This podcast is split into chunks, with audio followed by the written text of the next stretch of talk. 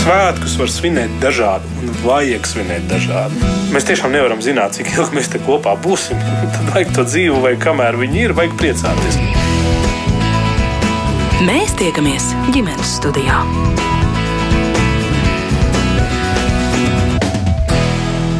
Labdien, klausītāji!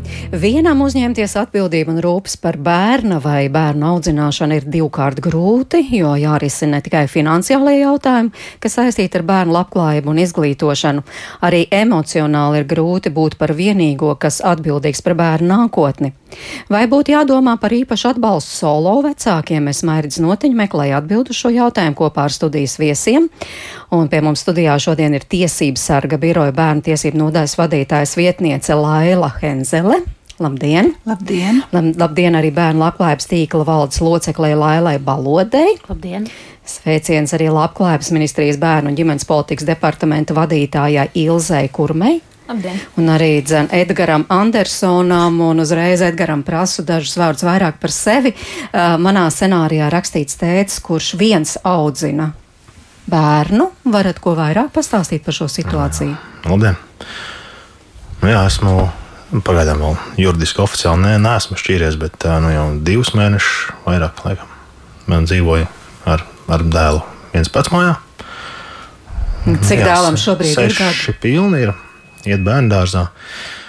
Ir ļoti veiksmīgi tas, ka bērngārzs ir ļoti tuvu pie mājas, dzīvojam privātā mājā un, un, un, un darām mājas darbus kopā. Un, viens, jā. Un kāpēc šāds lēmums, ka tieši jūs būsiet tas, ar kuru puika paliks?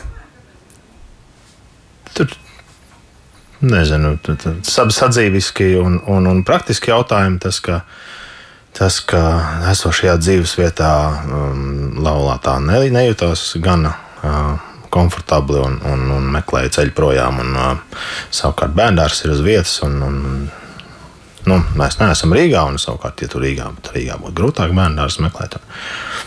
Un, um, jā, un mana, to, mana puika ir labas attiecības, un es ar viņu labi tiek galā. Un, un tas pat nebija, tas nebija, tas nebija diskusijas jautājums vispār. Bet kā jūs dalāt tās rūpes un atbildību par bērnu savā starpā? Tas jau ir šobrīd skaidrs. Nedalām. Es ņemu. Nu, tas nozīmē simtprocentīgi atbildību. Bērns nu, vispār ar māmu netiekas, Tiekas, finansiāli otra puse neatbalsta. Mm, pagaidām nē.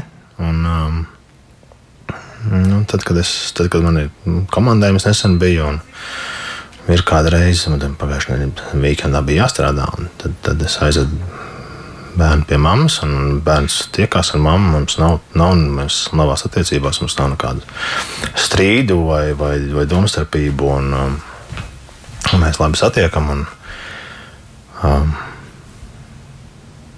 -hmm. Man dzird, nedzird. Oh. dzird, dzird, viss kārtībā. Laikam Jā. mazliet mums te pieregulē to, lai jūs vēl labāk dzirdētu nekā līdz šim. Eh, bet jautāju viešņām, Jā. tad, eh, nu, piemēram, Laila, tikko jūs dzirdējāt tādu pavisam īsu Edgara stāstu. Šī varētu būt solo ģimene, jūs par šo ģimeni teiktu solo ģimene vai tomēr nē?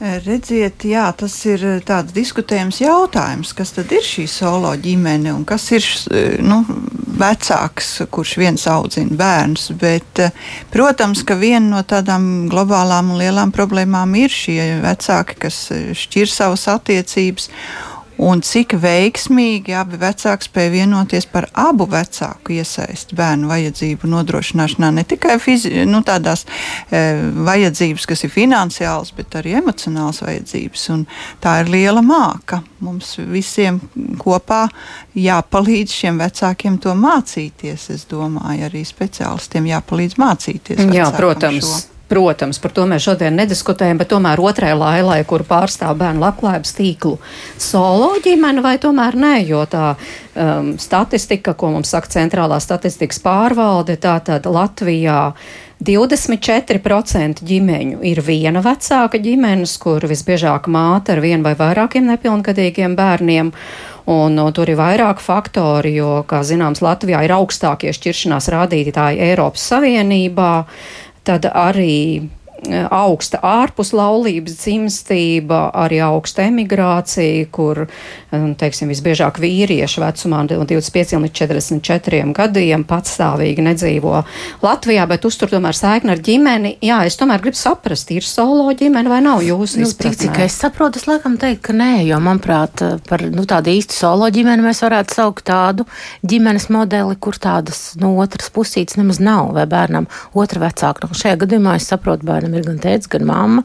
Cita lieta, ka tā dzīvesvieta ir pie tēta, bet bērns tāpat tieks ar mammu, manuprāt, viss ir kārtībā. Labklājības ministrija var izdalīt no tiem datiem, runājam par 24%, bet no šīm 24%, cik tad ir šādu, kur patiešām viens vecāks uzņems visas rūpes un atbildību? Tāda vispār ir pieejama? Jāsaka, ka tie dati jā, ir samērā fragmentēti. Un tādas viena vecāka ģimenes, kas bija vairāk iepriekš pieņemts definēt šo attiecību formu, kop, kopā dzīvošanas vecākiem ar bērniem formu, tās definīcijas īsti nav. Un es arī gribētu piekrist Lailai par to, ka par tādu īstu solo ģimeni visticamāk mēs varētu saukt tos, kur tiešām vecāks ir vai no otra partnera nāves gadījumā, vai iespējams tajās situācijās, kur bērnam nav noteikta paternitāte. Nu, tad tie ir tie solo vecāki, kam, kam nav tā iespēja otrā vecākā lomas pildīšanā un rūpēm par, par bērnu. Vai arī otrs vispār nerūpējas, neliekas nezinis pat, ja, otrs... piemēram, šie līdzekļi tiek uh, piedzīti caur uztur līdzekļu garantiju fondu. Jā, bet tad šobrīdējā spēkā esošā likumdošana jau nosaka tomēr, ka rūpes par bērnu un aizgādību par bērnu ir abu vecāku pienākums neatkarīgi no attiecību formas. Arī tajā brīdī, kad šīs attiecības ir šķirtas, mēs joprojām saglabājam savus vecāku lomas un tās paliek vienādās tās devās gan mammai, gan tētim. Jā, protams, tā praksa rāda, ka tas nevienmēr izdodas veiksmīgi to nodrošināt. Bet tā tad nav skaidrības, cik tad ir šo skaidrības nav. Par, skaidrības nav visticamāk par to definīciju kopumā, jo nu, arī šeit mums šobrīd pie galda runājot, tās versijas kaut kādā mērā atšķirās. Un, tā, tā, tas ir viens arī no jaunajās politikas pamatnostādnēs definētiem uzdevumiem, tātad veidot diskusiju kopumu un tikt skaidrībā ar šo definīciju. Labi, un arī, un arī tas, tas 24%, ko jūs minējāt, jā, tie ir vecāki, kas ir teiksim, šķiršanās gadījumā palikuši vieni ar bērniem, bet tajā pašā laikā visticamāk, ka šie procenti arī ir mainīgs skaits, jo cilvēkiem laikam ejot veidojās jaunas attiecības, tā ģimene atkal. Uh, iet sanāk kopā, piemēram, ar citiem partneriem, tā skaitā ar, ar bērniem no iepriekšējām attiecībām, un tam dēļ tas, tas, tas savā ziņā tā statistiskā vērtība ir samērā staigājoša. Jā, un tomēr šis virsraksts mūsu sarunai paliek solo ģimene. Ir kāda īpašā problemātika, Laila Balode, ko jūs kā uh, psiholoģijas uh, jomas pārstāv varētu ieskicēt, nu, teorētiski? Kas nu, droši vien varētu slēpties? Nu, tā droši vien būtu pilnīgi, pilnīgi vientuļa vecāka ģimene, kur viņam otras puses nav un kur arī nav ne mazākās nu, ēnas par to, ka tā kādreiz kaut kur parādīsies. Tātad cilvēks ir vientuļš, kā jau Ilza minēja, tātad paternitāte nav noteikta, vai arī otra e, puse ir, nu, tā teikt, aizgājusi um, citos, e, citos e, bendību laukos, ja tā drīkst sacīt, restīvi cilvēku vairs fiziski nav un nav arī cita partnera. Jā, restīvi tam, tam pieaugušiem nav Eh, jebkāda veida atbalsts no citu pieaugušu cilvēku, jo, kā mēs zinām, bērnu audzināšana ir pietiekami emocionāli svarīgs, eh, nu, tāds, nu, diezgan garš posms ik viena cilvēka dzīvē, kura jāpārdzīvo visas bērnu krīzes attīstības. Tā visām ir jātiek līdzi, un mums ir mūsu pieaugušo cilvēku dzīves krīzes, un vienam cilvēkam ar to ir ārkārtīgi grūti tikt galā. Un, un tad, ja tas cilvēks patiešām ir viens, nu, man liekas, tikai tad mēs viņu varam saukt par, par tādu solo vecāku. Edgars, jūs gan teicāt, jums tāda salīdzinoši īsa pieredze un īsti solo ģimeni jūs neesat, bet tomēr varbūt ir jau šajā brīdī uh, nu, kādas atziņas, nu, cik tas grūti ir tomēr galvenokārt vienam uzņemties atbildību. Par to, ka tas nav viegli, man ilūzija nebija. Tas jau sen jau būtu jābūt visiem skaidram. Nu, Bet kas ir? Nu, Ko jūs sadzīviski, nu, piemēram? Nu, darbs mājas, un nu, tu esi piesietis bērnu dārza darba laikam, un, un tas ir viss. Nu. Brauc mājās, tā es ēstu un, un savāķē māju un rūpējas par savu saimniecību. Dzīvoju privāti mājā ar malku apkursu, tas arī prasa savu um, režīmu. Un, un, un nav, nav, nav tāda brīvā laika. Vai, vai, vai. Tā kā galvenokārt tās emocionālās varētu teikt grūtības finansiāls? Nē, nē finansiāli finansiāli man liekas, pat kļuva vieglāk, ņemot vērā, ka es biju faktiski vienīgais apgādnieks, attiecīgi, attiecīgi vienu mutu mazāk barojam. Jā, bet visos gadījumos droši vien tā nevarētu teikt. Ģimenes Nē. studijas rīcībā ir jūlijas stāsts. Viņa savu dēlu audzina viena pati, strādā trīs darbos un saņem tiesas procesā piedzītos uzturlīdzekļus, kuru apmērs nav mainījies līdz ar straujo cenu pieaugumu. Nu, lūk, tāda skicīte no jūlijas stāstītā klausāmies. Un vispār, esot kā nu, vientuļiem vecākam, nu, solo vecākam, tad ir moderni teikt, man tā sajūta ir, ka mums laikam jābūt tādam lūdzējam, kad um, tas um, um, Latvijā nav tāda statusa solo vecāks, vientuļais vecāks. Mums nav Latvijā tāda nu, statusa, kas kaut ko varbūt dzīvē maina. Es nezinu, ko tieši tas varētu mainīt, bet, um, piemēram, uzturlīdzekļu tiesas procesa laikā man bija tāds sajūta, ka um, es prasu kaut ko, kas man nepienākās. Un tā nebija tikai mana sajūta, bet tā, tas, tas bija tas, kas radās no tiesnešiem. Tā kā jāpamato ir, piemēram, kāpēc ir ierakstīti medikamenti, kas nav ārsta izrakstīti uzturlīdzekļu tāmēm. Tad viena situācija. Piemēram, temperatūra pazeminošie paracetamols, jūras ūdens, deguns kalošanai un pretklepus sīrups. Tā kā jums jābūt ārsta receptei, tam visam, lai jūs varētu iekļaut uzturlīdzekļu tāmē. Tad man tāds komon, bet uh, bērni slimo ar iesnām katru nedēļu, bezmaz vai katru otro, trešo, katru mēnesi. Mm. Ja? Um, ja bērnam ir 5, 6 gadi, pa 5, 6 gadiem esmu iemācījusies, kā tās iesnas menedžēt, tad man nav nepieciešama recepte. Un tas bija tiesas, un visšokējošāk bija tas, ka to prasīja sieviete tiesnese. Ka tā uzturlīdzekļu prasīšana ir um, kaut kāda absurda aizgājusi jau um, ar tiem pamatojumiem. Ok, tagad pārtika nav jāpierāda, varbūt kaut kādā daļā. Apģērbs par apģērbu arī ir, um, ir daudz iespējas, kā viņu iegādāties lētāk. Labu, kvali, labu kvalitatīvu apģērbu, bet iegādāties lētākus. Visi sandālis, tirdziņi, um, kopirkšanas grupas, um, bet tur nav čeks pretī bieži vien, jā, ja es nopērku no rokām. Un, uh, un ja esmu nopirkusi, sagādājis tur um, labu kvalitatīvu apģērbu, kuram var pagarināt piedurknes, un bērns var iet ārā, jebkuros laikapstākļos, jā, par sakarīgu naudu. Um, tiesā man tiek jautāts, kas ir andele un kāpēc es tur pērku apģērbu un kāpēc es viņu nepērku veikalā. Tas pamatojums, ka tā ir lētāk un es varu nu, nodrošināt par to pašu naudu vairāk labu apģērbu bērnam, um, tas arī nu, tiesai nav saprotams. Ja mēs skatāmies, kas ir valsts garantētie minimālie uzturlīdzekļi, 129 eiro līdz 7 gadu vecumam, man liekas, bija, un 137 laikam pēc 7 gadu vecuma. Kaut kā, nu, kaut kā tā viņi bija. Um, tas interesantais tas, ka, ja vecāks pats viņus maksā kaut kādā piespiedu kārtā tos minimālos uzturlīdzekļus, tad viņus maksā tajā apmērā. Ja vecāks nemaksā, viņus piedzina valsts, tad viņus maksā vēl mazākus. Ja? Tad ir uh, simtu, um, tur par kādiem procentiem mazāk. Um, un, um, principā tas pat īsti nepietiek, varbūt, ka pārtikai mēneša. Uh, pie šī brīža cenām uh, pārtikai tas nu tā, nu tādai ļoti minimālai. Manā gadījumā, um, piemēram, dēlam ir specifiska diēta, kur viena piena pudele maksā 4 eiro. Speciālā piena. Jā, tā tad um, nu, mēneša griezumā ja 30 eiro no 130 eiro jau tikai kaut kādam pienam, ja, lai to um, ēdienu kā tādu bagātīgāku sataisītu. Ja tā godīgi samaksā visu, kas ir jāsamaksā, ar visu to, ka man nav minimāla alga, tad tas atlikums ir nulle.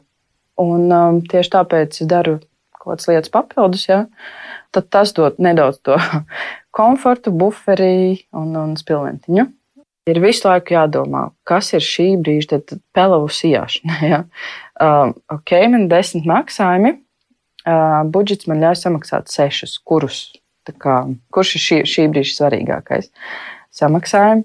Atkal pēc laiciņa ir desmit maksājumi. Ok, šis nebija samaksāts, šo es samaksāju. Visu laiku ir jāizvēlās. Um, tas būt par vecāku, kas pelna, kas dara ikdienas lietas, kas izvadā bērnu, kas uh, seko līdzi tur. Uh, veselības un visām attīstības lietām, um, kaut kādām īpašākām tam veselības.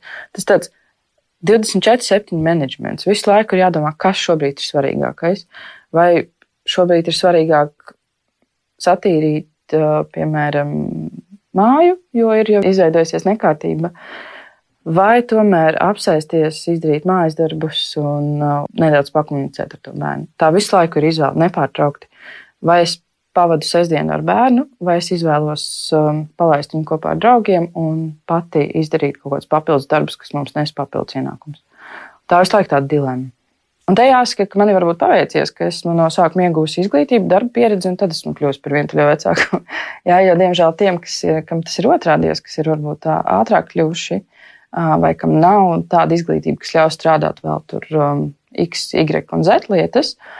Um, un tas, ko es redzu arī komunicējot ar citām mamām, arī tēviem, kas audzina vieni, ka tie cilvēki, kam nav tāda iespēja, vai kas varbūt nav izdomājuši, kā to iespēju atrast, um, izvēlās strādāt nemaksājot nodokļus, kas izvēlās strādāt uh, skaistumkopšanā vai, piemēram, auklēt bērnus. Uh, nu, šajās ēnu ekonomikas nozarēs, kur, um, kur, kur var nemaksāt nodokļus. Nu. Mhm. Tikai tāpēc, ka tā nauda ir vajadzīga šeit un tagad, kad tie 2, 3, 400 eiro, kas uh, varbūt būtu jāsmaksā nodokļos, viņi ir akūti vajadzīgi.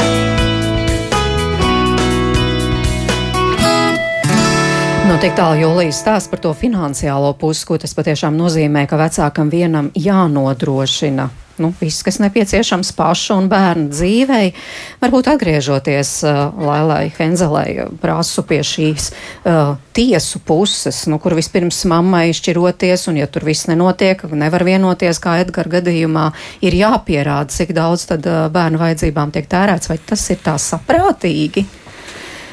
Nu, varu tikai teikt eh, no, no mūsu darba pieredzes, jo mēs saņemam dažkārt iesniegumu sa sakarā arī jautājums par to, kā uzturlīdzekļu apmērs tiek noteikts. Tad ir jāsaka, protams, ka tiesai ir jābūt kādiem kritērijiem un izvērtējumam, kā, kādu apmēru tad katrā konkrētajā situācijā bērnam noteikt, jo atšķirās gan bērnu vajadzības, protams, gan uh, gan arī tās vecāku iespējas. Jo ne, visām, ne visiem vecākiem ir iespējas, arī tie, kas dzīvo droši vien kopā, divi rūpējās. Un, un, un, protams, ka tiesai šis izvērtējums ir eh, jāizdara. Uh, nu, ir jautājums, cik lielā mērā vai tiešām ir jāpierāda tur tādas lietas, kas ir vispār zināmas un vispār, vispār nu, skaidrs. Jā, bet, bet mēs esam redzējuši arī ļoti interesantus nu, tos uzturlīdzekļu arī pieprasījumus, jā, kur tiesai būtu jāvērtē, vai tiešām visas tās vajadzības bērnam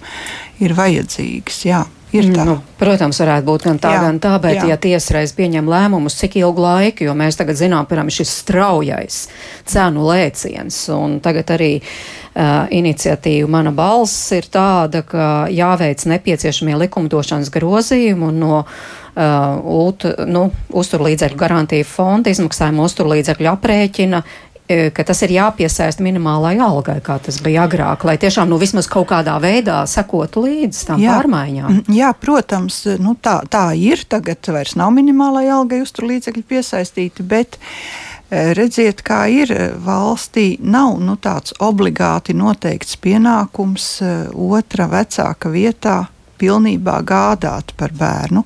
Šobrīd valsts dara, cik iespējams. Protams, mēs arī vēlētos un gribētu, lai šis, šie uzturlīdzekļi tiktu pārskatīti, bet mēs arī nevaram teikt, ka tas ir vispār zināms, saprotams un ka tā noteikti ir jābūt. Bet, ja valsts maksā, tad, protams, tiem uzturlīdzekļiem būtu jābūt pārskatāmiem regulāri. Jā. Labklājības ministrijas viedoklis. Jā, mēs noteikti arī atbalstam šo domu, īpaši vērtējot šobrīdējo cenu kāpumu gan mājokļu izmaksām, gan arī pārtikas izmaksām, ka šīs apjoms pilnīgi viennozīmīgi ir ceļams. Un, jā, tā tad savukārt tā otra summa ir piesaistīta minimālajai algai, tā ir šī tiesas noteiktie minimālie uzturlīdzekļu apmērs bērnam, tad attiecīgi šajā gadā minimāla alga tiek celta, tad, tad šī summa palielināsies. Nu, tomēr tās summas rezultātā ir ļoti mazas. Mēs dzirdējām nedaudz vairāk nekā 100 lati. Nu, nevarētu teikt, ka tas ir kaut kāds ļoti būtisks atspējas ģimenei. Tas noteikti nav ļoti būtisks atspējas, bet jā, es arī piekrīstu tiesību sarga paustajiem viedoklim, tiesību sarga biroja pārstāvju paustajiem viedoklim par to, ka brīdī, kad tomēr bērnam ir abi vecāki, dzīvi abi vecāki, tad tomēr šīs rūpes par bērnu būtu īstenojamas abu vecāku starpā. Un šeit noteikti atkal ir ļoti liels darbs ar sabiedrību un tādiem sabiedrības stereotipu laušanu, tā skaitā arī šajos dzimumu, dzimumu līdztiesības aspektos par to, kāda ir tēva loma, piemēram, jo nu, ne, nekādā veidā nesakot, ka tas ir tikai par tēviem, un šis ir dzimuma neitrāls jautājums, bet, teiksim, veicinot šīs te, šīs te rūpes arī par bērnu, lai nu, arī nav tas vispārējais priekšstats, ka visas rūpes par bērniem ir tāda nu, klasiskā sieviešu funkcija. Nu, te, tas arī ir kaut kas, kas ir dalāms, un viennozīmīgi dalāms ir arī šis pavadāmā laika stāsts.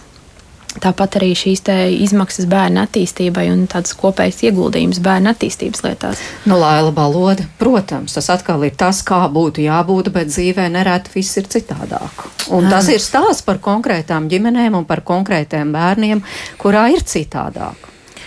Un, un, un laikam trakākais ir tas, ka cieši jau atkal bērns. Pieaugušie neprot saprasties, neprot sarunāties, un, un faktiski cieši bērns. Un, ja mēs nu, skatāmies tā nedaudz perspektīvā uz priekšu, tad mēs tam bērnam iedodam tādu attiecību modeli, ko viņš nu, lielākoties citu jau viņš nebūs redzējis. Viņš viņu mēģinās arī savā nākamajā dzīvē kaut kādā veidā īstenot, un, un atkal tur būs cilvēki, kur nepratīs saprasties. Tā kā es laikam pilnībā piekrītu Ilzei, kad šajā mirklī mums ir jādomā, kā mēs varam tādu nu, atbildības līmeni sabiedrībā varbūt eh, celt eh, par to, ka abi vecāki ir vienlīdz svarīgi bērnam. Un, aklē, mēs skatāmies no bērna pozīcijas. Tā patiešām ir. Bērnam ir svarīgi abi vecāki. Bērnam ir svarīga nu, eh, pietiekami skaidra informācija par to, kāda ir viņa ģimene, kas ir viņa ģimene. Tas arī ir pēc konvencijas. Bērnam ir tiesības savu identitāti, tātad zināt to otru pusi. Un, un te, protams, ir dažādi, visādi dažādi, jo mēs arī um, saskaramies gan ar situācijām, kur tā vecāka nav, jo viņš negrib būt, gan ar situāciju, kur tā otra vecāka nav, jo tas pirmais vecāks neļauj viņam būt. Tā kā tie gadījumi ir dažādi. Jā, bet apstājoties pie tās finansiālā jautājuma, tiešām cieši ģimene. Un, te, protams, klausītāji ir aicināti iesaistīties. Mums te, piemēram, tādi komentāri, Anēt raksta, mūsdienās vecāki ir izlaidušies, par bērniem vispār nedomā, kašķējas par sīkumiem, netiek ar sevi galā, tāpēc, vai tad tāpēc jārada bērni, vai arī, piemēram, laulības šķiršanai, kurā ir nepilngadīgi bērni nav attaisnojumi, ja tajā nav vardarbība vai kādas citas smagas problēmas uh, un tam līdzīgi Edgars. Nu, labāk divi laimīgi vecāki, ne, nu, atsevišķi vecāki nekā, um, nekā viena nelaimīga ģimene. Jā, protams, bet nu, lūk, arī šajā tad var, vai, vajag šādu īpašu statusu šajā ģimenē, kur tad viens tas laimīgais vecāks audzina bērnu.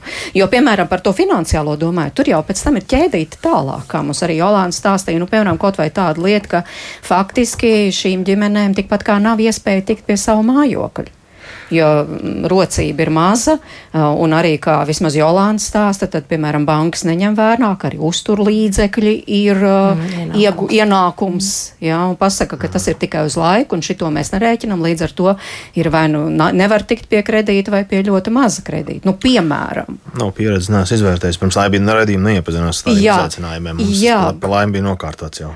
jau jā, bet vajadzētu tādu īpašu statusu, kas tomēr dotu kaut kādas garantijas šīm ģimenēm.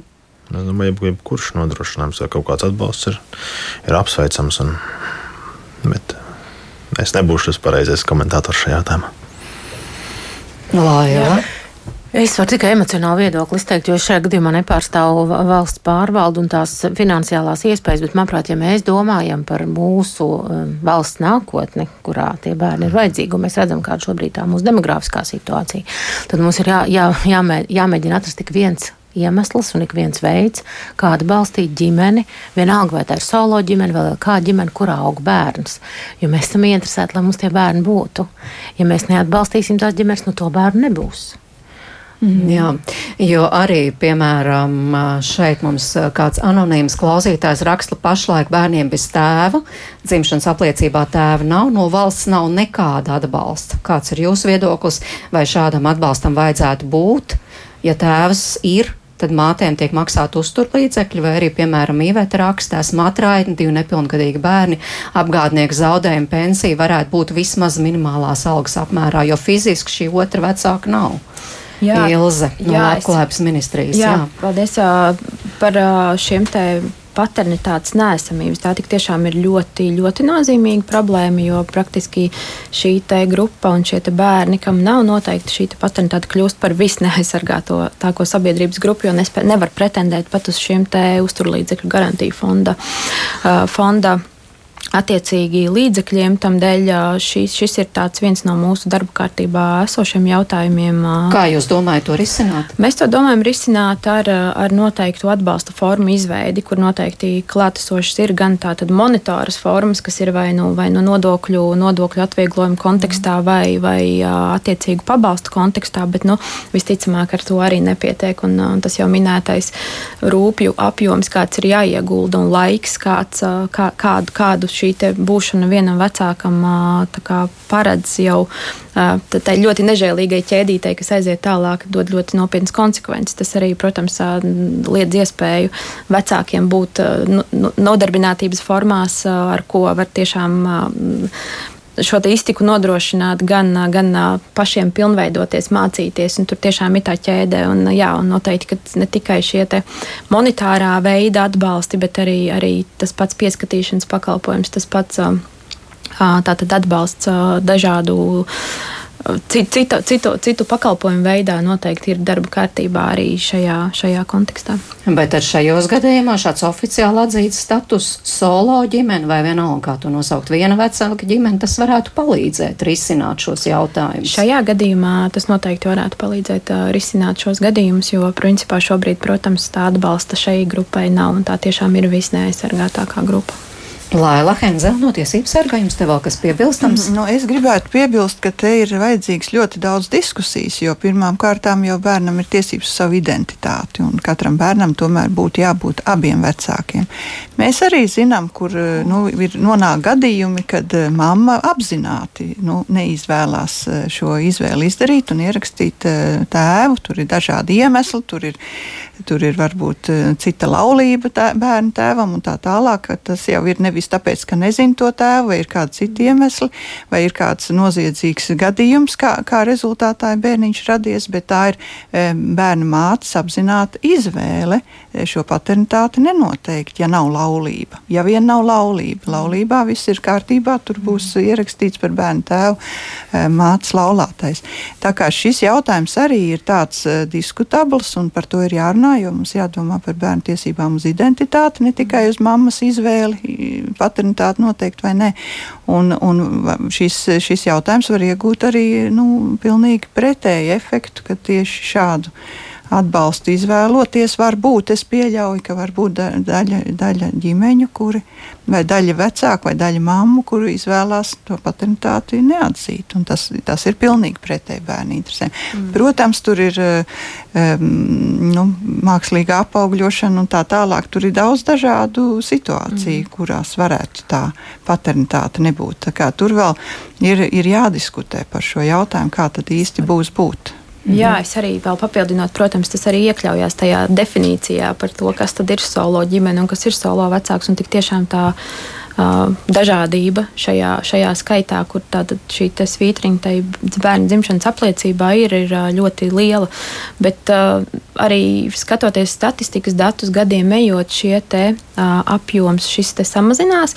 Ja, piemēram, uh, vēl 2017. gadā tie bija 4% no visiem dzimušajiem bērniem attiecīgajā gadā, tad tam ir tendence samazināties no tādiem 800 gadījumiem gadā Latvijā līdz 600, bet nu, joprojām, protams, tā, tā, tā ir lieta. Un arī pētot drusciņā sīkāk to statistikas datus, ļoti bieži šī te, uh, izvēle vai, vai, vai attiecīgi neizvēle, bet vecāka, otra vecāka nēsamība dzimšanas apliecībā ir arī gados jaunākām mamām pēc statistiskās. Uh, statistiskās analīzes. Un, kurām tas atbalsts vēl jau vairāk kurām ir vēl jau vairāk vajadzīgs, jā, bet tas arī īstenībā ir noteikti darbs ar, darbs ar jauniešiem un darbs ar, bērniem saulaicīgi, jo, nu, bieži iespējams, es šobrīd, protams, izsaku minējumu, bet tā ir tāda neinformētība arī par to, nu, ko šī te, uh, izvēle sev līdzi nes, ka tas tomēr savā ziņā ir. Uh, aspekts, kas tātad liedz saņemt arī zināmas garantijas no valsts. Jā, no tā kā, protams, klausītāji skatās uz šo lietu citādāk, kā ir raksta visas sarunas par vienu bērnu. Manu pieredze trīs bērnu, tēvs alkoholiķis, kurš knapi samaksā valsts noteikto minimumu, nekādas runas par konkrētiem izdevumiem, tā skaitā hroniski slimam bērnam. Tā kā, protams, ģimeņu pieredzes ir dažādas. Un, Bet mēs šodien, es atgādinu mūsu klausītājiem tiešām par šīm solo ģimenēm vai viena vecāka ģimenēm, kur viens no vecākiem audzina bērnu, un tur ir, kā mēs dzirdam, gan finansiāli, gan arī emocionāli izaicinājumi. Un es atgādinu, ka šodien studijā ir Laila. Laila Henzele no Tiesības sarga biroja, Laila Balot no Bērnu labklājības tīkla, Ilze Kurme no Labklājības ministrijas un arī Edgars Andersons, kurš teica sešgadniekam un šobrīd audzina puiku uh, viens pats. Un runājot par tām emocijām, Edgars, jūs jau pieminējāt, tad, tad grūtākais ir tas, kā jūs teicāt, tiešām pašam ar visu jātiek galā. Jā. Jāaizved uz bērnu dārza puika, jāatved no bērnu dārza, jā, jābūt līdzās, pēc tam ar viņu jāspēlējās, jātiek galā ar saimniecības darbiem un, un tam līdzīgi. Jā, jā. jā. Uh, nē, ar bērnu dārzu un ar, ar, ar iesaisti bērnu audzināšanā arī pirms šī te, uh, soļa nebija nekādu problēmu manā, manā iesaistē pie bērna klā, nu, klātbūtne. Viņš mani nejūta pēkšņi vairāk, tas tur nekas nemainījās. Nu, bet tomēr jūs dalījāt, tomēr uz pusēm pieņēmāt nu, lēmumus kopīgi jā. un tam līdzīgi. Um, bet, nu, sanāk, man vienīgiem tiesības, autotiesības, un tad uh, visur, kur bija jābrauc, tur vienmēr es braucu līdzi un pie ārstiem un, un, un, un uz kaut kādām nodarbībām, un vai, vai, tam, vai tur vienmēr viss ar mani notika. Un tā. uh, un, uh, un attiecīgi uz bērnu dārzu arī vienmēr es biju. Uh, kamēr es biju Latvijā vai, vai, vai nebija kaut kādos naktas darbos, tad tas bija caur mani. Vairāk ir jā, tad, nu, ikdienas sadzīviski jautājumi, kuri, kuri bija līdz šim partneru aprūpē. Un, un, jā. Mhm. Nu, jā. Katrā, jā, katrā ģimenē tas noteikti ir atšķirīgi. Jā. Vēlreiz vēršos pie mammas Jūlijas, pie viņas stāsta. Uh, un tā tad uh, viņa, viņa saka, ka tomēr viņai ir grūti. Jo, ir. Nē, jā. tas nav viegli. Mm -hmm. Nu jā, nu lūk, paklausāmies, ko viņa par šo saka. Jā, tas atbalsta trūkums ir uh, milzīgs. Tā pašā laikā, piemēram, Jāga nodrošina tādas um, vientuļo vecāku atbalsta tikšanās grupas. Un tur ir ļoti divējādas sajūtas. Bija arī cālīja diskusijas par to, ko tas dod un kāda no tā jēga. Jo pirmkārt, jāatrod, kas to bērnu pieskata, kamēr tas vecāks dodas uz to grupu. Otrkārt, um, tas nerisina praktiski lietas. Un, um, un diskutējot un runājot ar citiem vecākiem, arī vīriešiem un sievietēm, kas audzina bērnus, vien, tas secinājums ir, ka īsnībā, ja cilvēks ir um, viens, kas audzina bērnu, tad vislabākais atbalsts ir adekvāti uzturlīdzekļi. Visvieglāk menedžējamais, visvieglāk izdarāmais ir saprātīgi uzturlīdzekļi, jo tam vecākam, kurš ir izvēlējies nepildīt vecāku pienākumu, Latvijā par to nekas nav. Ir um, civilikumā uh, pants, ka vecākam jāpild vecāku pienākumi, bet realitātē par šī pienākuma nepildīšanu tam vecākam nekas nav arī uzturlīdzekļi ir jāpieprasa un jāpamato vēl ar dažādiem brīnumainiem paņēmieniem. Un, un, un tur ir eh, piespiedu darbs vai vēl kaut kas, eh, bet realitātē tas nestrādā. Un, piemēram, situācija ir um, vienošanās vai tiesas spriedums, piemēram, um, par um, saskarsmi ar bērnu, cik dienas vienam vecākam, cik otram. Tas viens vecāks varētu paļauties uz to, ka otrs vecāks savu daļu izpildīs un aizvedīs to bērnu kaut kur, vai, vai paņems um, kādas brīvdienas. Uh, bet, ja tas vecāks uh, to nepilda, nedara, viņam par to nekas nav. Tiesu izpildītāji nevēlas ar to nodarboties, uh, jo viņi saka, ka mēs, mēs jau neko viņam nevaram izdarīt. Viņš negrib pildīt vecāku pienākumus, viņš negrib pildīt tas cilvēks vecāku pienākumus. Un tās ir arī sievietes, ne tikai vīrieši. Un, um, un Latvijā nav nekāda pilnīgi mehānisma. Un tas labi, viens būtu uzturlīdzekļus, uh, piemēram, palielināt, um, bet uh, otrs ir arī kaut kādas uh, piespiedu, nezinu, izglītošanās grupas, jo daudz vecāki vispār nesaprot, ka, ko, ko tas nodara bērnam, tas, ka viņi tur neiesaistās viņa um, audzināšanā.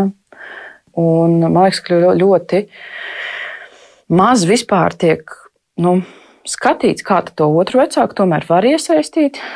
Ne piespiedu kārtā, bet, piemēram, mediācija. Ja, ja, ja vecāks nepilda vecāku pienākumus, desmit mediācijas sesijas, ja, mediātoru sesijas, kad pat netiek mēģināts šo vecāku tomēr kaut kā piesaistīt.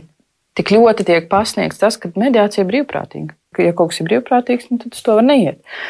Bet um, nu, kaut kāds tāds otrs vecāks neiesaistās, viņam par to nekas nav lasīju valsts bērnu tiesību aizsardzības inspekcijas pētījumu par vientuļiem vecākiem, ka ir ļoti liela tā atbildības sajūta pret bērnu. Un es sapratu, jā, man arī tā ir kaut kā kompensēt bērnam to, ka tā otra vecāka nav viņa ikdienas dzīvē. Un um, to ir ļoti grūti izdarīt. Un, un, un tad ir forši, ka iesaistās citi cilvēki no malas. Draugi, kas, piemēram, esmu mamma, man ir dēls. Man ir jāiemācās savus dēlus čurāt stāvus, kā puikas to dara.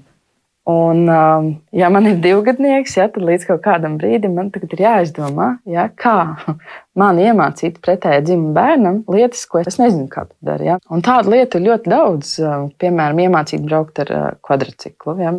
Un tad esmu priecīga, kad ir uh, bērnam draugi, kuriem tēvs iemāca visiem draugiem, kas tur sanāk, braukt ar kvadrciklu. Tas, man liekas, ir tas, kas mums vēl pietrūkst. Ja. Ir ok iemācīt tā vientuļā vecāka um, bērnam kaut ko. Tas tas, ko cilvēki man liekas baidās. Nu, kad, um, nu, kā es tur iešu līdīšu, tur, tur, tur, tur nu, kā, uzbāzīšos. uzbāzīšos. Jā, bet uh, tas īstenībā ir tas, kas iedod to fu sajūtu tam, um, ok, tā tad nu, vismaz kaut ko tas bērns dabūjis no tā, kas viņam nu, ikdienā nav. Tādas mazas, it kā vienkāršas lietas. Edgars, jūs tā emocionāli klausījāties Jolijas stāstīto, ko jūs gribētu piebilst? Nu, jā, nu, tas mediācijas, nezinu, kā tu vari piespiest, ar varu piespiest mīlēt savu bērnu, ja tas otrs vecāks, nu, jūlijas gadījumā nav gatavs vai, vai piemērā, kur, kur viņi minēja. Nu, norakstām, nu, viss. Zaudēts gadījums. Laila, valoda. Es norakstu. Es laikam nebūtu tik ļoti konkrēti, jo, manuprāt, to, ko nozīmē mīlestība un kā mēs to paužām, tas ir kaut kas diezgan individuāls. Nu, kaut kādā mirklī atnāks vaļā.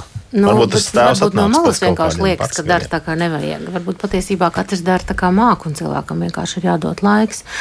Jo, nu, kādreiz bija tāds labs teiciens, lai izdaudzinātu bērnu, ir vajadzīgs vesels ciems, ne?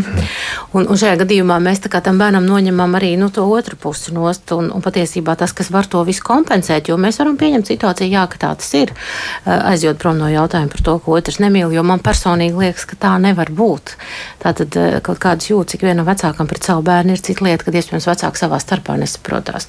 Un arī mediācijas mērķis nav, um, nav iemācīt mīlēt savu bērnu, bet atjaunot attiecības pieaugušo starpā. Jo kas ir paradoks? Paradoks ir tāds, ka tad, kad tie pieaugušie šķir savu laulību, tad viņiem patiesībā ir jābūt ļoti labām attiecībām, bet vēl labākām nekā bija līdz tam. Jo tas laiks, kas ir jāmenedžē un tās bērnu lietas, kas ir jāsakārto, prasa diezgan lielu spēju sadarboties, rūpēties un tā tālāk. Bet atgriežoties pie pirmās daļas, ko es iesāku par to ciemu, te ir ļoti svarīgs, kā ģimenei apkārt ir nu, tāds pietiekami plašs resursu tīkls ar citiem cilvēkiem, ar bērnu draugiem, kā šeit mamma minēja, vai citiem cilvēkiem, kas kopienā ir ar grupām, ar nodarbībām, ar brīvā laika aktivitātēm, kas, protams, var kompensēt to, ka šī cilvēka nav, jo nu, gala beigās gadu desmitiem nu, tādas paudzes mums ir bijušas, kuras, piemēram, izaugušas bez tēviem, tāpēc, ka viņi fiziski nav, jo viņi, piemēram, ir gājuši bojā karā, ja, un tā tālāk. Tā kā, nu, mēs nevaram teikt, ka te mēs esam pilnīgi bezcerīgi bezcerīgā situācijā, un nekad mūsu civilizācija nav ar to saskārusies. Vienmēr var atrast kādu risinājumu. Labklājības ministrija, kā jums šķiet, var tā no valsts puses nu, piespiest tā teikt, iemīlēt vai, vai kaut kā uzjundīt cilvēkā tās jūtas, ka, lūk, tas taču ir mans bērns. Nu, piemēram, mm. nosakot šīs nevis, ka mediācija ir brīvprātīga, bet obligāta. Nu, piemēram. Nu, es laikam neesmu to sodošo metožu piekritēja kopumā, un uh, es domāju, ka šie, šie, šie, šī lieta arī ir kaut kas līdzīgs, kad visticamāk, ka Drīzāk ir stāsts par atbalstu, par atbalstu arī tam vecākam, kas šajā mirklī varbūt līdz galam neapzinās to, ko viņš nodara savā ziņā savam bērnam. Tai pašā laikā tas arī, ko sarunas sākumā minējām par to, ka mēs jau katrs nākam no tās savas pieredzes, ko mēs paši esam piedzīvojuši. Un tajā brīdī, ja mēs esam piedzīvojuši līdzīgu attiecību modeli, nu, no kurienes tad, tad ņemt tās prasmes, darīt citādi. Līdz ar to tādas, tādas, jā, tādas varbūt iekļaujošas šīs pašas vecāku grupas, gaidot, gaidot mazuļus vai tādas kopienās balstītas sarunu, sarunu vakari, sarunas un pēc iespējas sabiedrības dienas kārtībā esoši stāsti par ģimenēm un to, kādā veidā tikt galā. Un, ja tas nav, protams, vienkāršs uzdevums mums, jebkuram vecākam, bet jā, vairāk no tāda atbalstoša, nesodoša, jo tiešām tas sots dažkārt var vēl lielāku, vēl lielāku pretestību izraisīt un varbūt tā vēlme būt kopā ar bērnu ir vēl mazāka šajā gadījumā. Savukārt mediācija, jā, es arī piekrītu par to, ka mediācija ir vienošanās, vienošanās par kaut kādām attiecībām un to, kā vecāki vienojas par to, kā viņi dala atbildību par bērnu. Tā jau arī nav tāda jā, pie, piespiešana mīlēt, visticamāk. Nu, jā, mediācija jau tad nav sots, bet tad jūs redzat, ka kaut kad nākotnē tas varētu būt kā obligāts. Mediācijas pirmā konsultācija tuvākā laikā ir plānota kā obligāta šķiršanās gadījumos. Šobrīd, jā, Tieslietu un Labklājības ministrijas kopīgi izveidotā info ziņojumā šī ir kā doma, kas virzās uz priekšu. Tātad tālāk, tātad pirmā konsultācija un tālāk šīs desmit reizes, kas ir apmaksātas no valsts, bet uh, caur pirmo reizi mēģināt saprast, ka tā ir iespēja apsēsties pie viena galda un ar tādu vidutāju kopā vienoties par, par abām pusēm un īpaši bērniem svarīgām lietām. Te no Labklājības, puses, ministrijas puses izskanēja, ka arī vēl viens virziens ir šādu tiešām tādu grupu veidošanas, kur satieks līdzīgi cilvēki dalās savā pieredzē. Edgar, jums arī tā situācija ir tāda svaiga, iespējams, ka tur nav viss vēl atrisinājis. Jūs būtu gatavs iet un piedalīties? Nu, tas varbūt ir pašam jāizvērtē. Ne, nu, tu, tu vari, tu vari uh, vairāk ar sevi tikt galā, ja tu esi to nu, jā, tas viss laulības projekts ir norakstīts, tad es nedomāju, ka tur mediācija izglābs kaut ko. Bet ne mediācija, bet ir šīs atbalsta grupas arī. Tas ir pavisam kaut kas cits. Atbalsta grupa, kur satiekās piemēram līdzīgi vecāki. Jā. Nu, tā kā jūs vai, vai Jā. mammas tēti, kuri bērnu audzina vienu. Viņi vienkārši satiekās un diskutē par lietām, kas viņiem ir svarīgas. Pieredzes apmaiņa vai, vai savu pieredzes apmaiņa, domu izklāsts. Emociju izlādēšana. Viennozīmīgi būt derīgi un atbalstām. Un kur bērns? Kaut kādā Jūlija teica, bet kur tad lai bērnu liek tas, bērns, jā. vecāks? Kaut kādā bērnistabā blakus, vai ne? Vienīgais nav variants. Vai arī, nu, ja tev ir, ja tev ir um, vēl tie rādi vai, vai, vai māsas brāļi, kas ir tos bērnus gatavi pieskatīt, tad ir labi. -hmm. Laila Balūda, jums ir kāda informācija, cik plaši tagad vispār šīs atbalsta grupas jau darbojas Latvijā? Nu, faktiski atbalsta grupas ir vien, kļuvusi ļoti populāra lieta. Šobrīd dažādos vecuma posmos, ir gan maziem bērniem no 0 līdz 2 gadu vecumam, gan bērnu emocionālas audzināšanas grupas, kas ir no 0 līdz 7 gan pusauģiem. Tās ir vecākiem. Konkrēti tādas, grupas. es domāju, ka nav, bet, ja ir pasūtījums, vienmēr tādu var uzorganizēt. Jo faktiski ne jau vienmēr viņai ir jābūt tam saturam, kas iepriekš ir nolikts. Jo, ja mēs domājam, domājam par nu, pašpalīdzības grupām, teiksim, tādu formu, kur nāk cilvēki, kuriem ir kāda konkrēta problēma.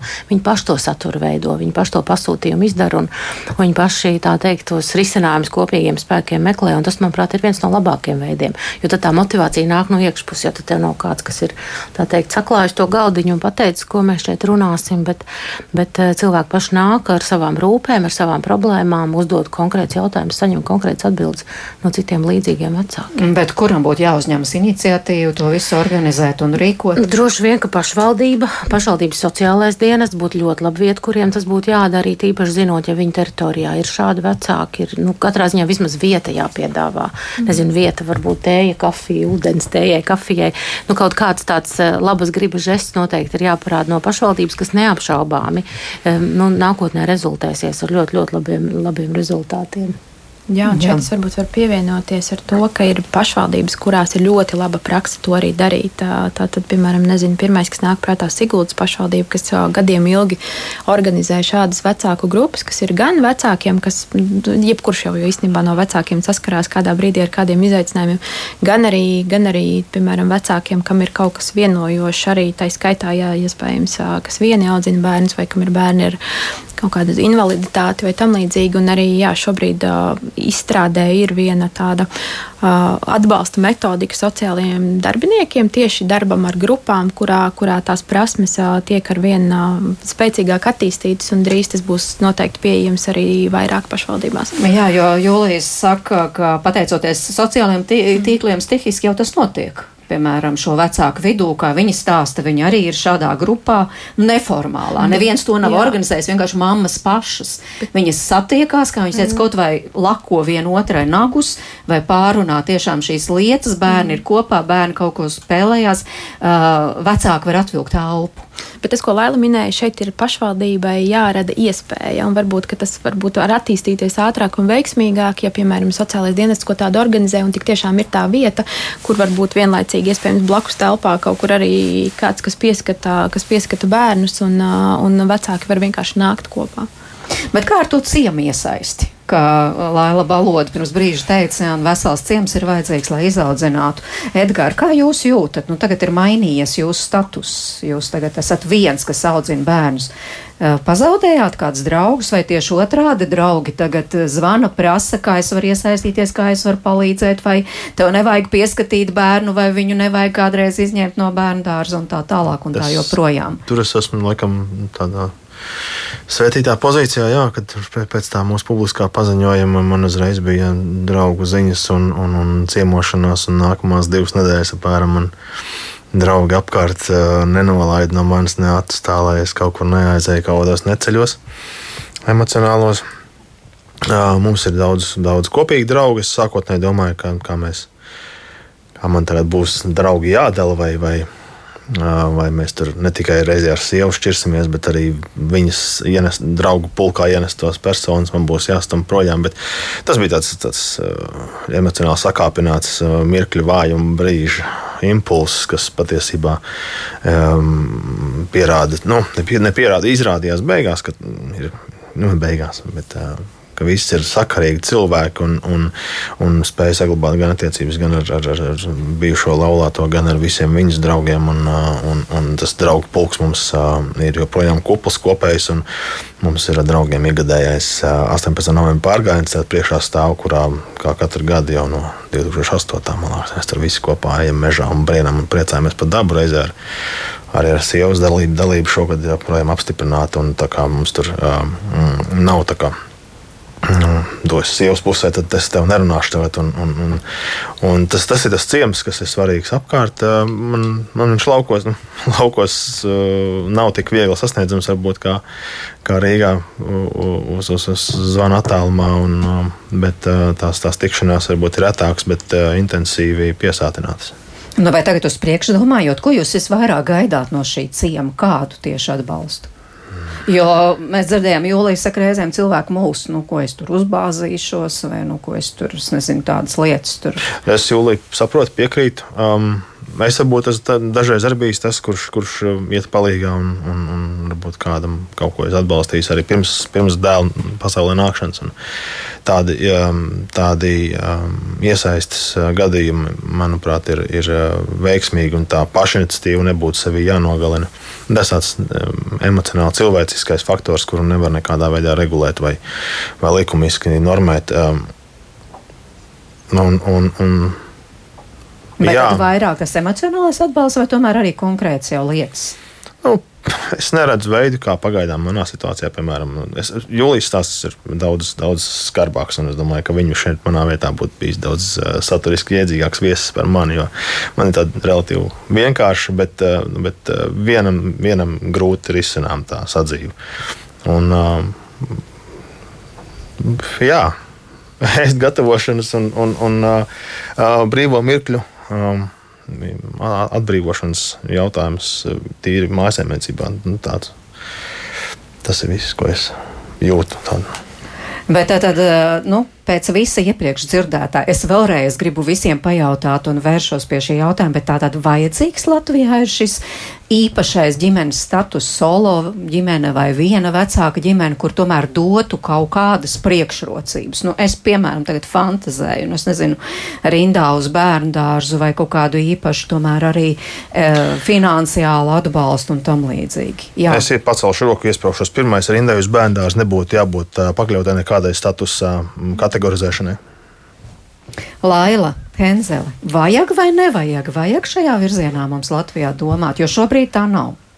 Nu, redziet, ar tiem statusiem ir jābūt uzmanīgiem. Es vairāk domāju, ka reizēm neatkarīgi no statusa ir jādomā par eh, vajadzību nodrošināšanu. Ja tas ir vajadzīgs atbalsts, tad eh, vajadzīgs, neatkarīgi varbūt bieži vien no tā statusa, jo nu, tiešām ģimenes un dzīves situācijas ir tik dažādas. Un, un, un, nu, drīzāk par labumiem, par atbalstiem jādomā, manuprāt, nekā par statusiem. Laila Balode.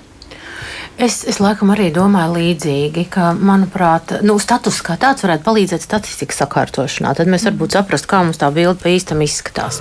Jo mēs šobrīd diezgan taustamies. Bet no otras puses, manuprāt, palīdzībai ir jābūt balstītāji uz cilvēku vajadzībām. Un dažkārt vajadzības ir arī ģimenēm, kur ir tēvs un māma un vairāk bērnu, un arī viņiem ir jāpalīdz. Tā kā faktiski jāskatās, kam vajag palīdzību, tam arī vajag palīdzēt.